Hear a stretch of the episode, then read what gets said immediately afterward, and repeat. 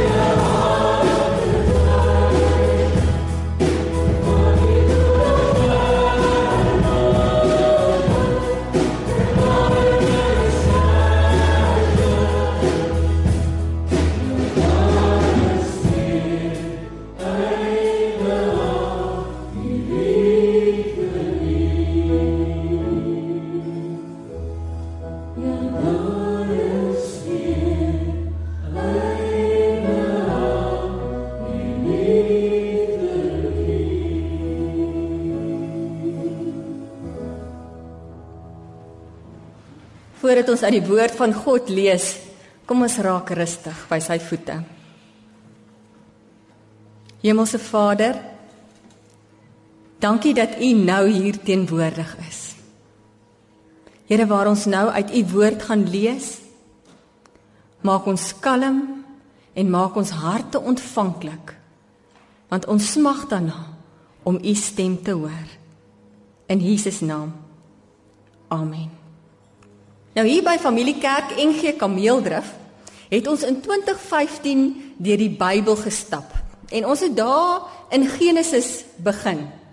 En vandag hierso aan die einde van November amper gaan ons bietjie kyk na die disipel Petrus se lewe. Nou die wonderlike is, die Bybel is vol verhale van mense. Mense wat 'n pad stap saam met God.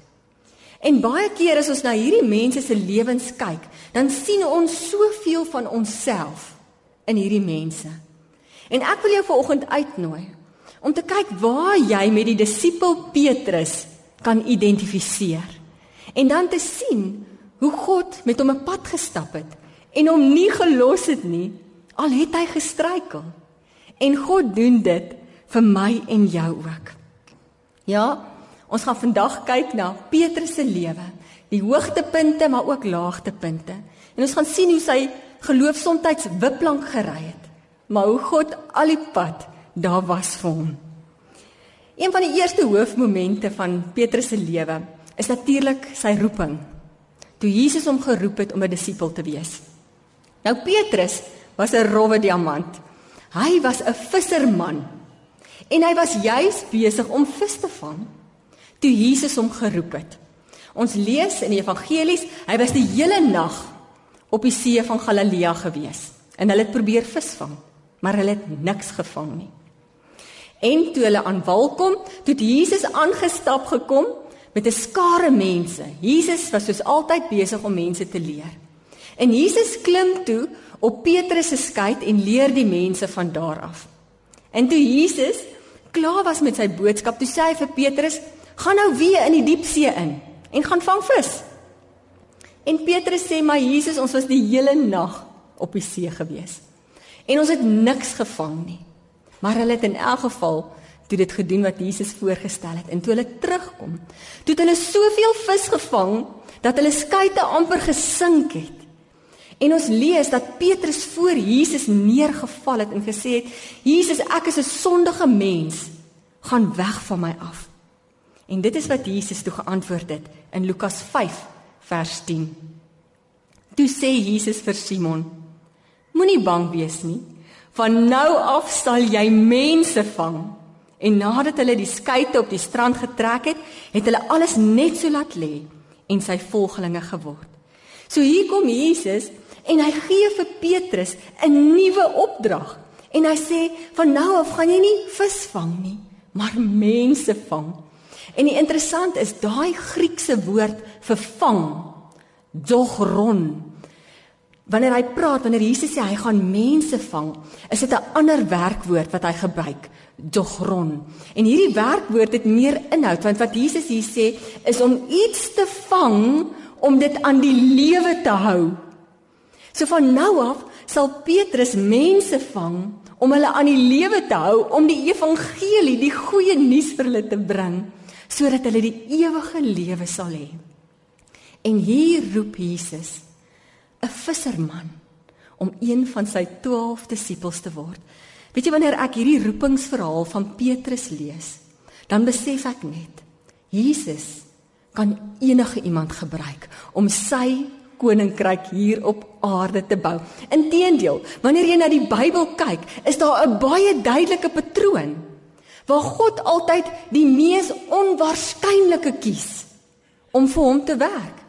Die persoon wie in die oë van die wêreld nie eintlik geskik is nie, dan gaan God en hy kies daardie persoon.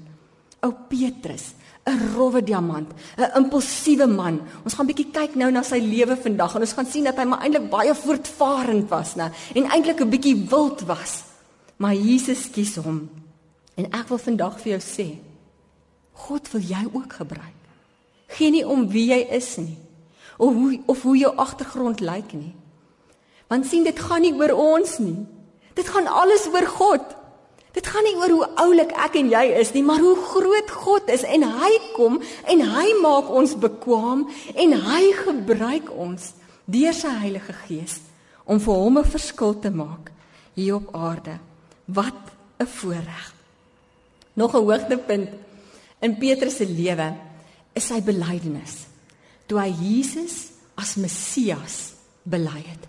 Nou ek dink nie ons besef lekker die gewigtigheid daarvan dat 'n Jood Jesus bely as die Messias nie. Want sien die Jode het 'n hele ander prentjie gehad van wie die Messias gaan wees. Hulle het gedink die Messias gaan 'n aardse koning wees. Iemand wat in 'n paleis gebore gaan word.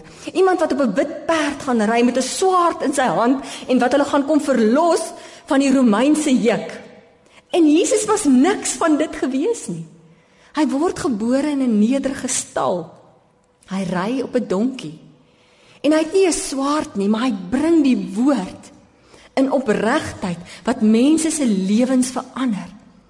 So Jesus het glad nie gelyk soos wat hulle destyds gedink het die Messias gaan lyk nie. En daarom het het Petrus se woorde, die feit dat hy sê Jesus is die Messias, dra dit soveel gewig. Want hy het nou al vir 'n lang ruk 'n pad met Jesus gestap, nou. En hy het gesien hoe Jesus wonderwerke doen. Hoe Jesus mense gesond maak, hoe hy bose geese uitdryf, hoe hy mense uit die dood laat opwek. Petrus het Jesus se prediking gehoor. En hy het gevoel hoe raak dit aan sy hart en hy het gesien hoe verander dit mense en op grond daarvan sê hy die onmoontlike amper en sê hy maar u is die Messias. Luister na sy belydenis in Lukas 9. Jesus vra vir hulle, "Wie sê die mense is ek?" En hulle sê party mense dink u's Elia, maar dan sê Jesus, "Maar wie sê julle is ek?" En toe antwoord Petrus, "Die gesalfde van God, die Messias." En Jesus sê vir hom, dit is die Heilige Gees wat dit aan jou openbaar het. So Jesus moes 'n geweldige impak op Petrus, die Jood se lewe gehad het, sodat hy Jesus as die Messias bely het sonder skroom. Nog 'n hoogtepunt in Petrus se lewe. Jy sal onthou toe die disippels op 'n skei was op die see van Galilea. Toe kom Jesus op die see na hulle toe aangestap. En hulle skrik hulle boeglam want hulle dink dit is 'n spook. En Jesus sê vir hulle, "Maar dis ek." En wat doen Petrus nou? Die voortvarende een, die impulsiewe een. Hy spring uit die skei. Hy sê Jesus, as dit U is, laat my ook op die water loop. Kom ons lees dit in Matteus 14 vers 28. Toe sê Petrus vir hom: "Here, as dit regtig U is, beveel my om op die water na U toe te kom." "Kom," sê hy. Petrus het uit die skei geklim, op die water begin loop en naby Jesus gekom. Maar toe Petrus sien hoe sterk is die wind, het hy bang geword en begin sink en uitgeroep: "Here, red my!" En dadelik het Jesus sy hand uitgesteek en hom gegryp. Hierdie sê vir my iets van die karakter van Petrus. Nou kan jy al 'n bietjie identifiseer met Petrus. Hier gaan hy en hy hy sê Jesus is dit U is en hy spring uit die boot. Laat my ook op die water loop nou. Maar ja, toe sink die realiteit ook in. En hy sien hierdie hoë golwe en hy voel die sterk wind. En sy geloof begin krimp en hy begin sink. Hierdie voortvarende Petrus, hierdie man wat Jesus met soveel oorgawe volg, wat hom sopas bely het as die Messias, se geloof ry ook maar wiplank en hy begin sink. Nog iets wat vir my sê gebeure in Petrus se lewe is toe Jesus gevange geneem is. Toe ruk Petrus mos sy swaard uit daar in die tuin van Getsemane en hy kap Malchus, die hoëpriester se oor af. En dit sê vir my iets van Petrus, nê, 'n disipel van Jesus, maar hy dra 'n swaard by hom. En wat sê Jesus toe? Hy sê: "Bære jou swaard, Petrus." En hy genees Malchus se oor. Maar dit sê vir ons iets van die impulsiwiteit van Petrus, hoe hy Jesus nagevolg het met sy hele hart en siel. Maar ja, dan beleef Petrus seker die laagste laagtepunt van sy lewe toe hy Jesus verloon het. En wat gebeur het? Jesus is toe gevange geneem daar in die tuin van Getsemane en weg weggeneem na Kajafas die hoëpriester se huis. En daar het Petrus so stilletjies agter hulle aangeloop. Hulle het Jesus gestaan in gesel, hom gemartel. En Petrus het daar by 'n ou vuurtjie gestaan en hy het so uit die verte uit die situasie dopgehou. En wat gebeur toe? Ons lees dit in Matteus 26. Hy verloon Jesus 3 keer. En ek gaan ek begin hierso by vers 73 waar hy dit die derde keer doen. 'n Rukkie later kom die manne wat daar staan na Petrus toe en sê: "Dit is waar, jy is ook een van hulle. 'n Mens kan dit aan jou spraak hoor." Want sien Petrus was 'n Galileër en die Galileërs het 'n baie prominente aksent gehad. Toe begin hy, dit is Petrus, né? Vloek en sweer. Ek ken nie die man nie. En op daardie oomblik het die haan gekraai. Toe val dit Petrus by wat Jesus gesê het: "Voordat die haan kraai, sal jy my 3 maal verloon." En hy het buitentoe gegaan en bitterlik gehuil. Daar waar dit die nodigste was, wat hy Jesus as die Messias moes bely daar voor nie gelowig is. Daar waar hy dit juis moes bely het en opgestaan het vir Jesus, daar tuimel sy kaarthuis van toewyding in mekaar en swyg hy en verloon hy Jesus. En hoeveel keer ook daar waar ek en jy die meeste moet getuig, miskien daar by die werkplek, né? Of daar langs die braaivleisvuur. Daar waar ons juis moet opstaan vir Jesus, bly ons stil en verloon ons homself.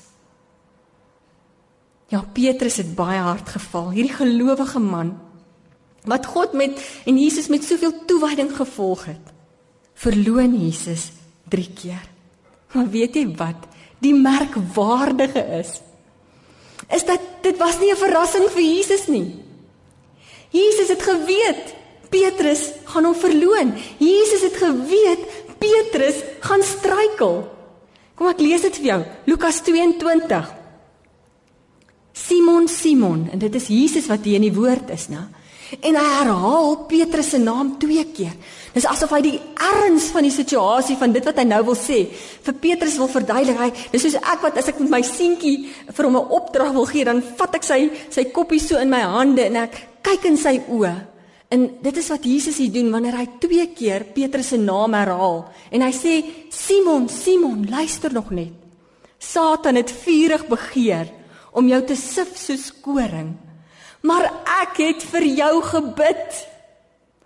Hierdie is 'n 'n skat waaroor ons soms net lees in die Bybel. Jesus wat intree vir ons. Jesus wat bid vir Petrus. Hy het geweet oor 'n rukkie gaan Petrus struikel, oor 'n rukkie gaan Petrus hom verloon, maar nog selfs voor Petrus hom verloon, sê Jesus vir Petrus, "Maar ek bid vir jou." Ek bid vir jou dat jou geloof gestand sal wees. En so bid Jesus, tree hy in vir my en jou by die Vader. Is dit nie wonderlik nie?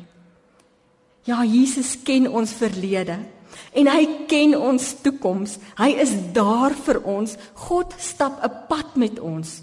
Hy sal ons bly soek as ons afdwaal totdat hy ons vind. Hy gee nie op op sy kinders nie. Hierin lê ons krag. En Petrus sou eers later besef het dat dit wat hom deurgedra het, nie sy toewyding was nie. Hy was hierdie toegewyde gelowige, né?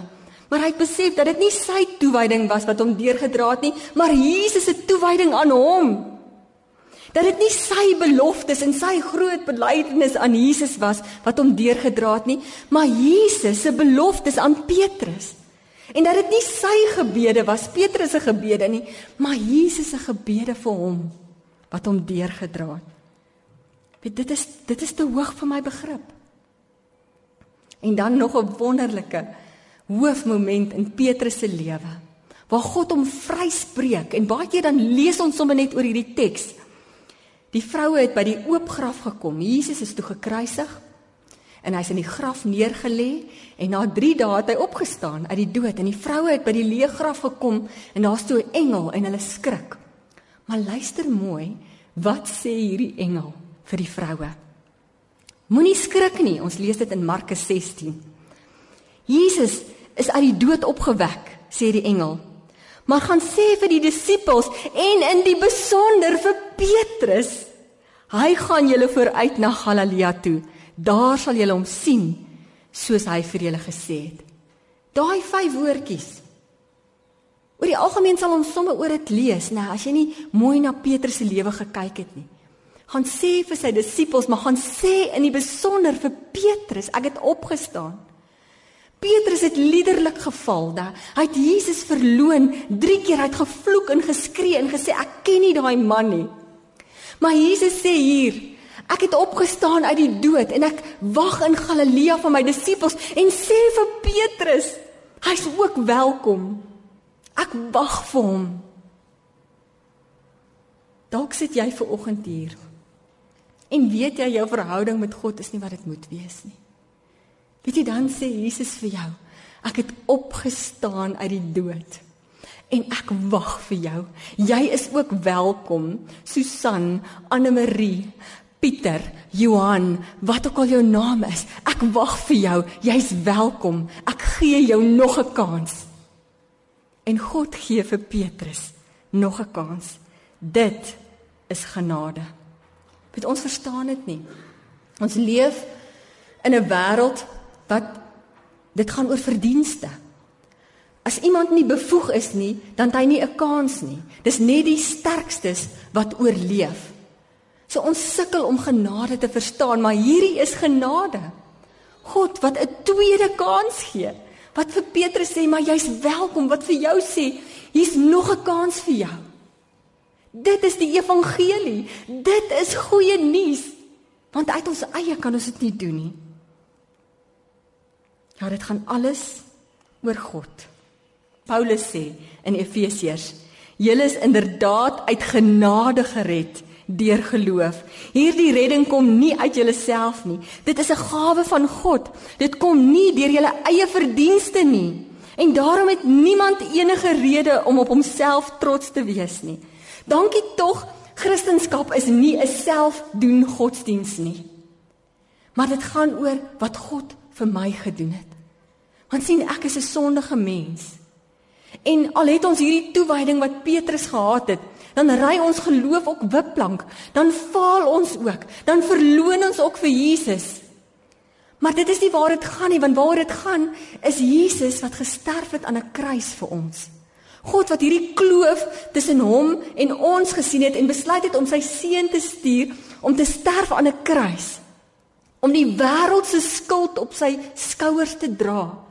Ek wil daai bitter beker wat hy moes drink, daai skuld, hy het so swaar gedra aan daai las dat hy uitgeroep het, "My God, my God, waarom het U my verlaat?"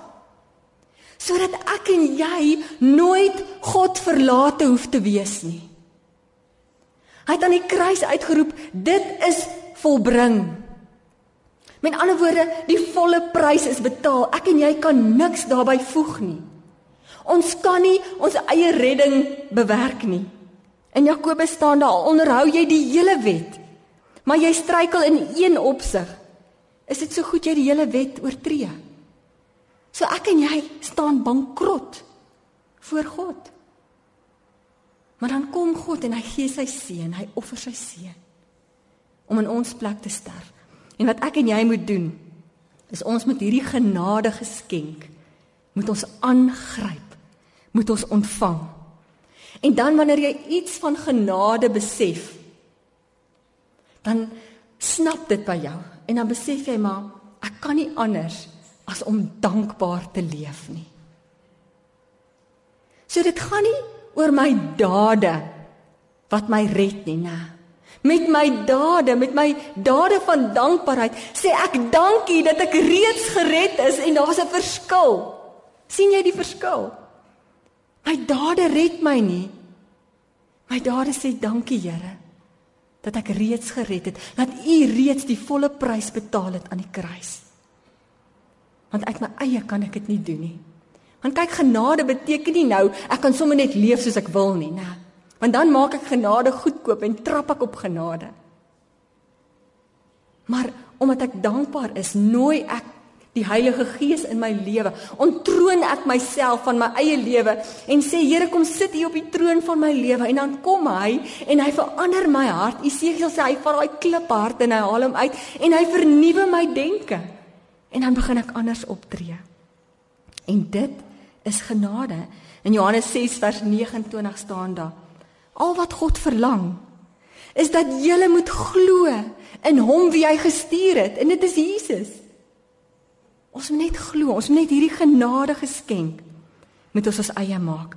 En kyk wat doen Petrus. O, oh, gemeente, hierdie is vir my so mooi.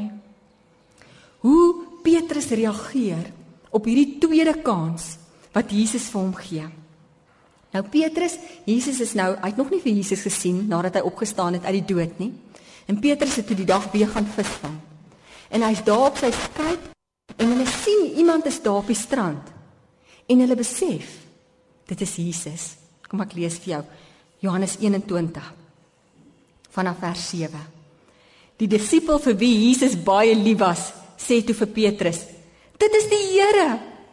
Toe Simon Petrus hoor dat dit die Here is, het hy sy hemp aangetrek want sy bolyf was kaal en hy het in die water ingespring. Hulle was nie ver van die land nie, omtrent 100 tree en die ander disippels het hom toe gevolg. So wat doen Petrus met hierdie tweede kans? Hy staan daar op sy skei. Hy sien hier's Jesus op die land, Jesus wat opgestaan het uit die dood en hy pluk sy hemp aan. Waarom weet ek nie want hy gaan nou in die water spring, né? Uit respek vir Jesus moet dit wees. En hy pluk sy hemp aan en hy spring in die water en hy hardloop Jesus tegemoet. En dit is hoe hy sy tweede kans aangryp met al twee hande. En ek nooi jou ver oggend om hierdie tweede kans ook so met passie en oorgawe aan te gryp. God gee vir ons nog 'n kans.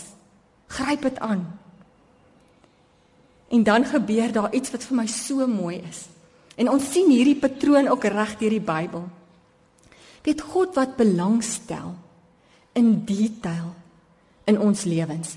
Hy's hierdie almagtige skepper God wat die planete in hulle wentelbane hou. Maar weet jy wat hy hy stel ook belang in detail in my en jou se lewe. Weet ons lees dit in Psalm 139 waar daar staan dat dat God bekend is met ons opstaan, dat God bekend is met ons paaie, met ons weë, waarheen ons op pad is dat God selfs weet wat die volgende woorde op ons tong gaan wees. So hy's hierdie skepper God, hierdie almagtige Here. Maar hy maak bemoeienis met sy kinders. Hy stel belang in detail in ons lewens. Nie net 1 uur op 'n Sondag as jy kerk toe kom nie. Hy stel belang in jou drome, hy stel belang in jou huwelik, hy stel belang in jou verhoudinge. Hy's 'n God wat betrokke is. Want kyk net wat gebeur hierso. Toe Petrus en Jesus nou herenig daar by Mensa Christi, daar op die see van Galilea, daar op die strand, né? Wat doen hulle eerste? So tipies Jesus. Jesus braai vir sy disippels 'n visie. Hy het pas opgestaan uit die dood, maar wat doen hy? Hy eet saam met sy disippels. En as mens kyk na die evangelies, sien mense dit so duidelik dat Jesus gereeld saam met sy mense geëet het. Hoekom? Want dit is daar om 'n etenstafel wat ons verhoudings bou, né?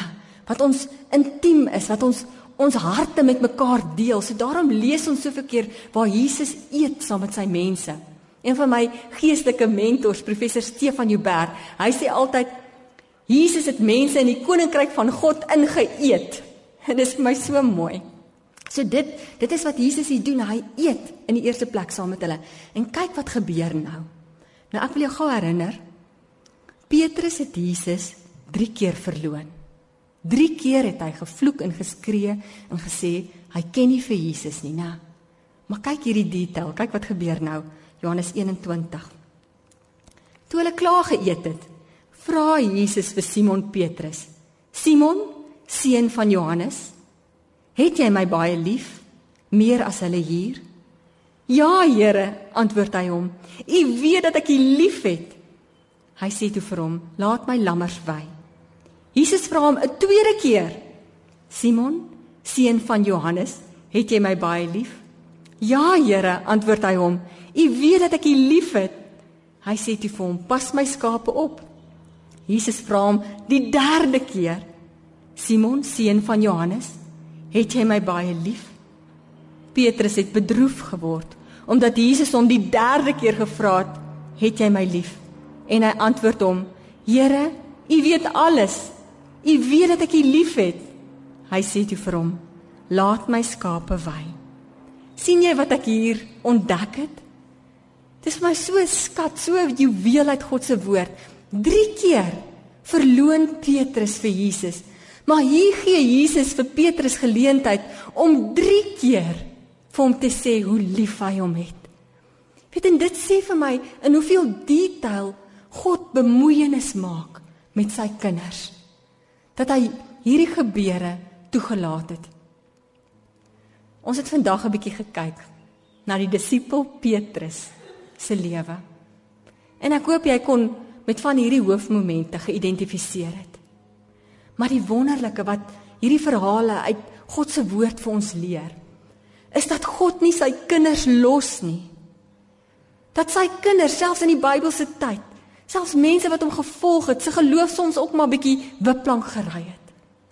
Dat hulle ook baie keer maar impulsief en voortvarend opgetree het. Maar God was altyd daar om hulle te vang. En Jesus, dit was nie eers vir 'n verrassing nie. Hy het al die tyd gebid vir Petrus en so bid hy ook vir jou. En is hy daar vir jou?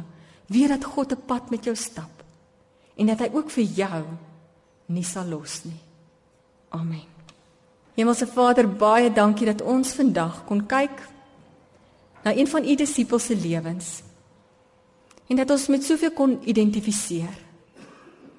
Here, dankie dat ons kon sien uit u woord dat u 'n pad stap met mense, Here. En Jesus, dis wat u gesê het vir die Fariseërs dat dit dit gaan nie oor wette en reëls nie, dit gaan oor verhouding. U verlang na 'n verhouding met ons. Here skep 'n diepe begeerte in ons harte om U beter en meer en meer te leer ken. Here, ons leef in afhanklikheid van U. Ons wil U hand vat. Ons kan nie een tree sonder U nie. Dankie vir ons pragtige gemeente. Dankie vir die pragtige bosstad omgewing wat ons hierin kan bly. Here, ons bid vir reën. Seën ons met reën oor die hele land. Dankie dat U bemoeienis maak, dat U betrokke is in ons lewens. Ons eer U. Amen. Kom ons sing die slotlied saam. Jesus groot bo almal.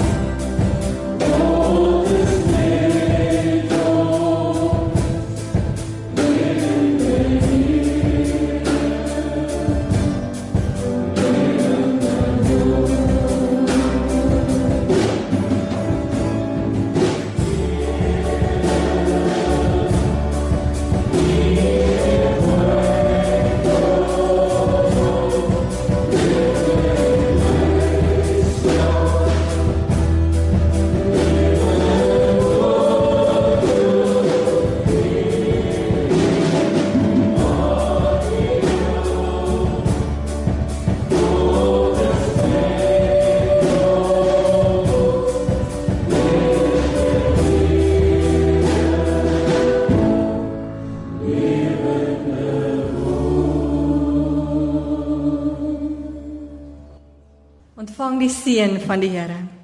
Die genade van die Here Jesus Christus en die liefde van God ons Vader en die gemeenskap van die Heilige Gees sal by elkeen van julle wees.